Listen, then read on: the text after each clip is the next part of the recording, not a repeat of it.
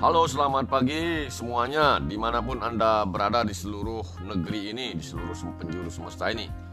Pagi ini hari Senin tanggal so, mohon maaf pagi ini hari Jumat tanggal 20 Maret 2021 uh, pukul 8.15 waktu Indonesia Tengah kembali saya Gus Benggo Kresi menyapa anda semua melalui channel podcast saya ini pada pagi hari ini, izinkan saya menyampaikan salam terlebih dahulu. Om Swastiastu. Assalamualaikum warahmatullahi wabarakatuh. Salam sejahtera untuk kita semua. Salam Namo Buddhaya.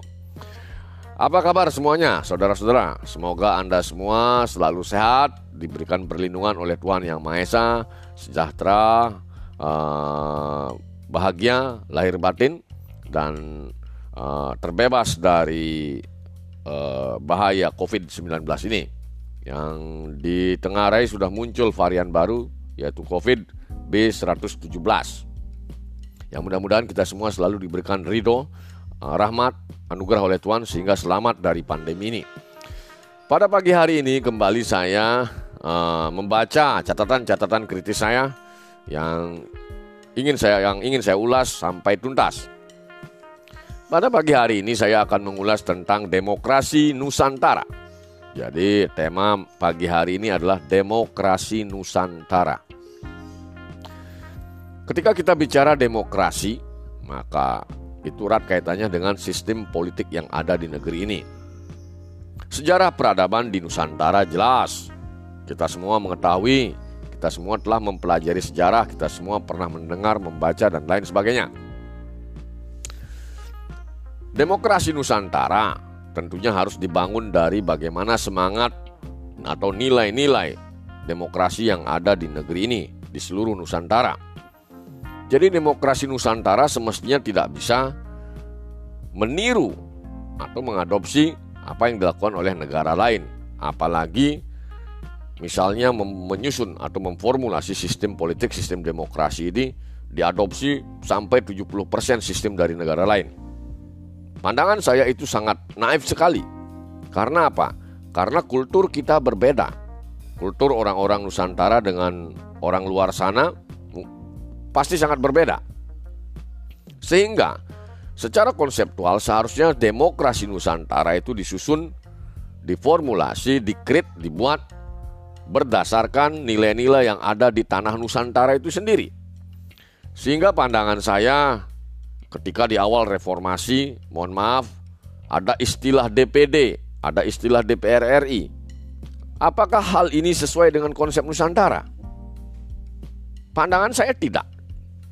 Jadi Nusantara kalau kita ambil sejarahnya, bahkan jejak-jejak demokrasi Nusantara itu masih ada sampai hingga uh, sampai hari ini. Contohnya apa? Contohnya di seluruh negeri ini masih ada suku-suku, masih ada kepala-kepala suku. Kemudian proses pengambilan keputusan di suku-suku itu, di kelompok-kelompok masyarakat itu, selalu terlebih dahulu dilakukan melalui musyawarah mufakat. Artinya apa? Artinya sangat tepat sekali sila keempat itu menyatakan bagaimana pentingnya permufakatan itu. Bagaimana pentingnya musyawarah mufakat itu. Nah, di titik ini sebenarnya harus diadopsi itu dimasukkan ke dalam sistem politik nasional kita. Hanya saja pandangan saya bentuk wajah lembaganya ini yang perlu kita kaji ulang kembali. Mengapa demikian? Karena ujung sistem ketatanegaraan sebenarnya bagaimana dibangunnya sebuah sistem ketatanegaraan, sistem politik. Dari sistem itulah akan diketahui bagaimana kekuasaan itu bisa diperoleh secara legal.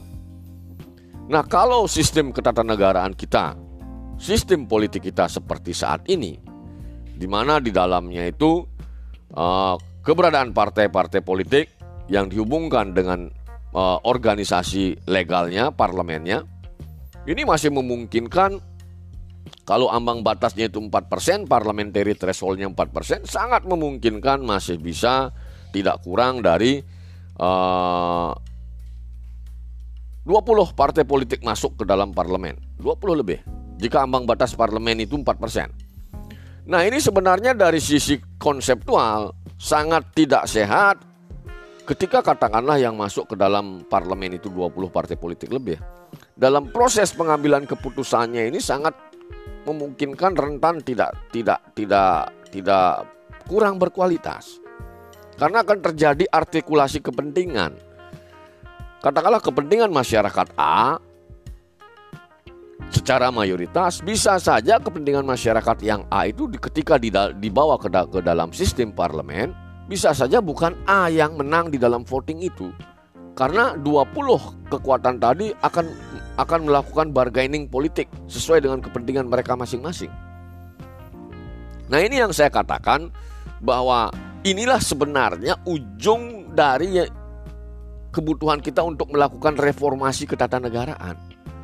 Sistem politik itu harus kita kaji ulang kembali. Modelnya itu seperti apa? Bagaimana kaitan antara partai politik dengan lembaga legal negara? Lembaga legal negara dalam hal ini parlemen. Bagaimana syarat-syarat masuk ke dalam parlemen?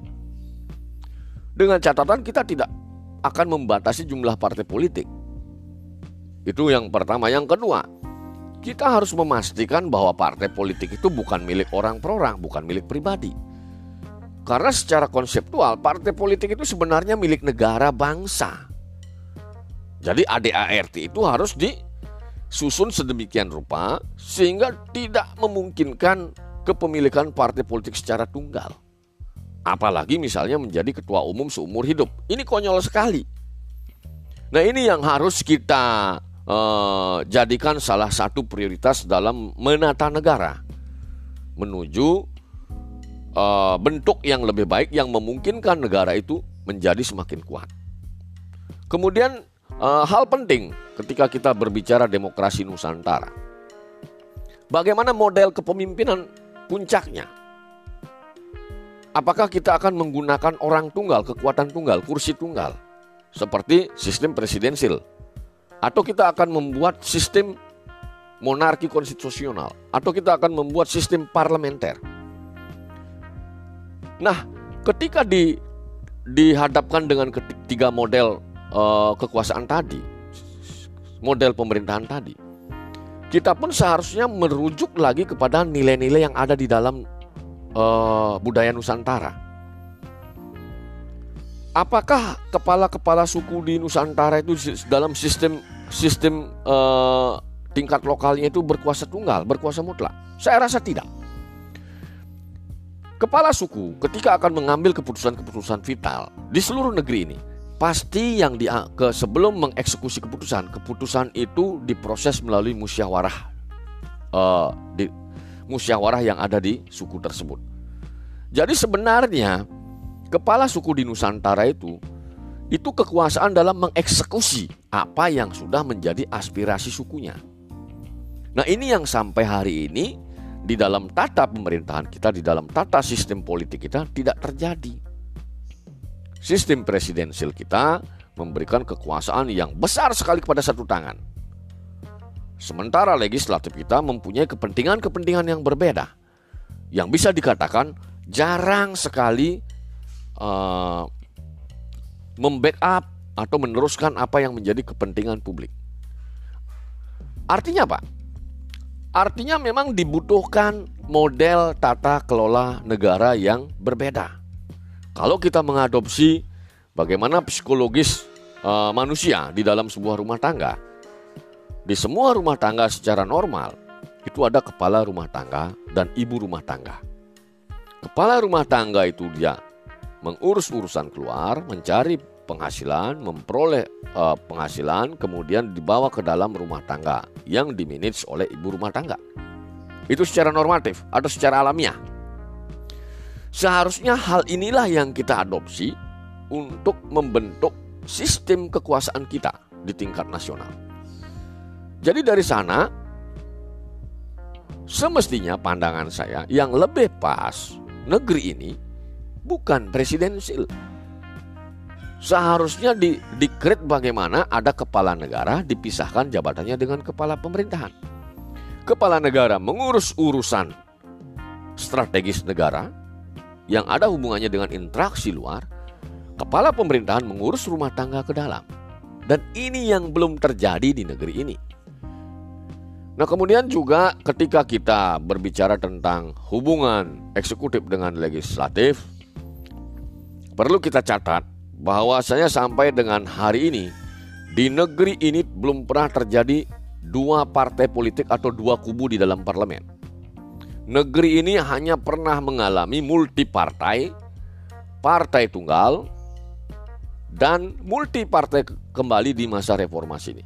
Pada masa Orde Lama multi partai, pada masa Orde Baru sebenarnya partai tunggal, sebenarnya partai tunggal. Kenapa saya katakan demikian? Karena hegemoni kekuasaan itu ada di tangan Presiden Soeharto masa itu. Jadi Golkar ini sebenarnya pengendali kuat. Sementara PDI dan P3 itu di bawah kendali kekuasaan. Jadi sama dengan artinya the same as pada masa Orde Baru itu partai tunggal. Kemudian pada reformasi kita menerapkan multi partai. Nah dalam perjalanan panjang ini ternyata kita belum pernah menempatkan kekuatan politik itu di dalam parlemen dua par dua kubu tidak pernah. Dan harapan saya arah formulasi negara itu berkaitan dengan demokrasi Nusantara harusnya mengarah kepada kekuatan dua partai dua kekuatan di dalam legislatif. Kemudian eksekutif itu dibagi kekuasaannya antara kepala negara dan kepala pemerintahan. Nah, itu yang uh, hal itu yang perlu kita cermati bersama, yang perlu kita kaji kembali uh, dalam menyusun bagaimana tata kelola negara yang mungkin mem memungkinkan untuk lebih maju, kemudian sistem politik yang lebih baik, sistem demokrasi yang lebih baik lagi. Demikian hal yang bisa saya sampaikan berkaitan dengan tema demokrasi Nusantara. Mudah-mudahan apa yang saya sampaikan tadi uh, bisa bermanfaat untuk kita semua. Apabila dalam penyampaian ada yang kurang berkenan, saya mohon maaf.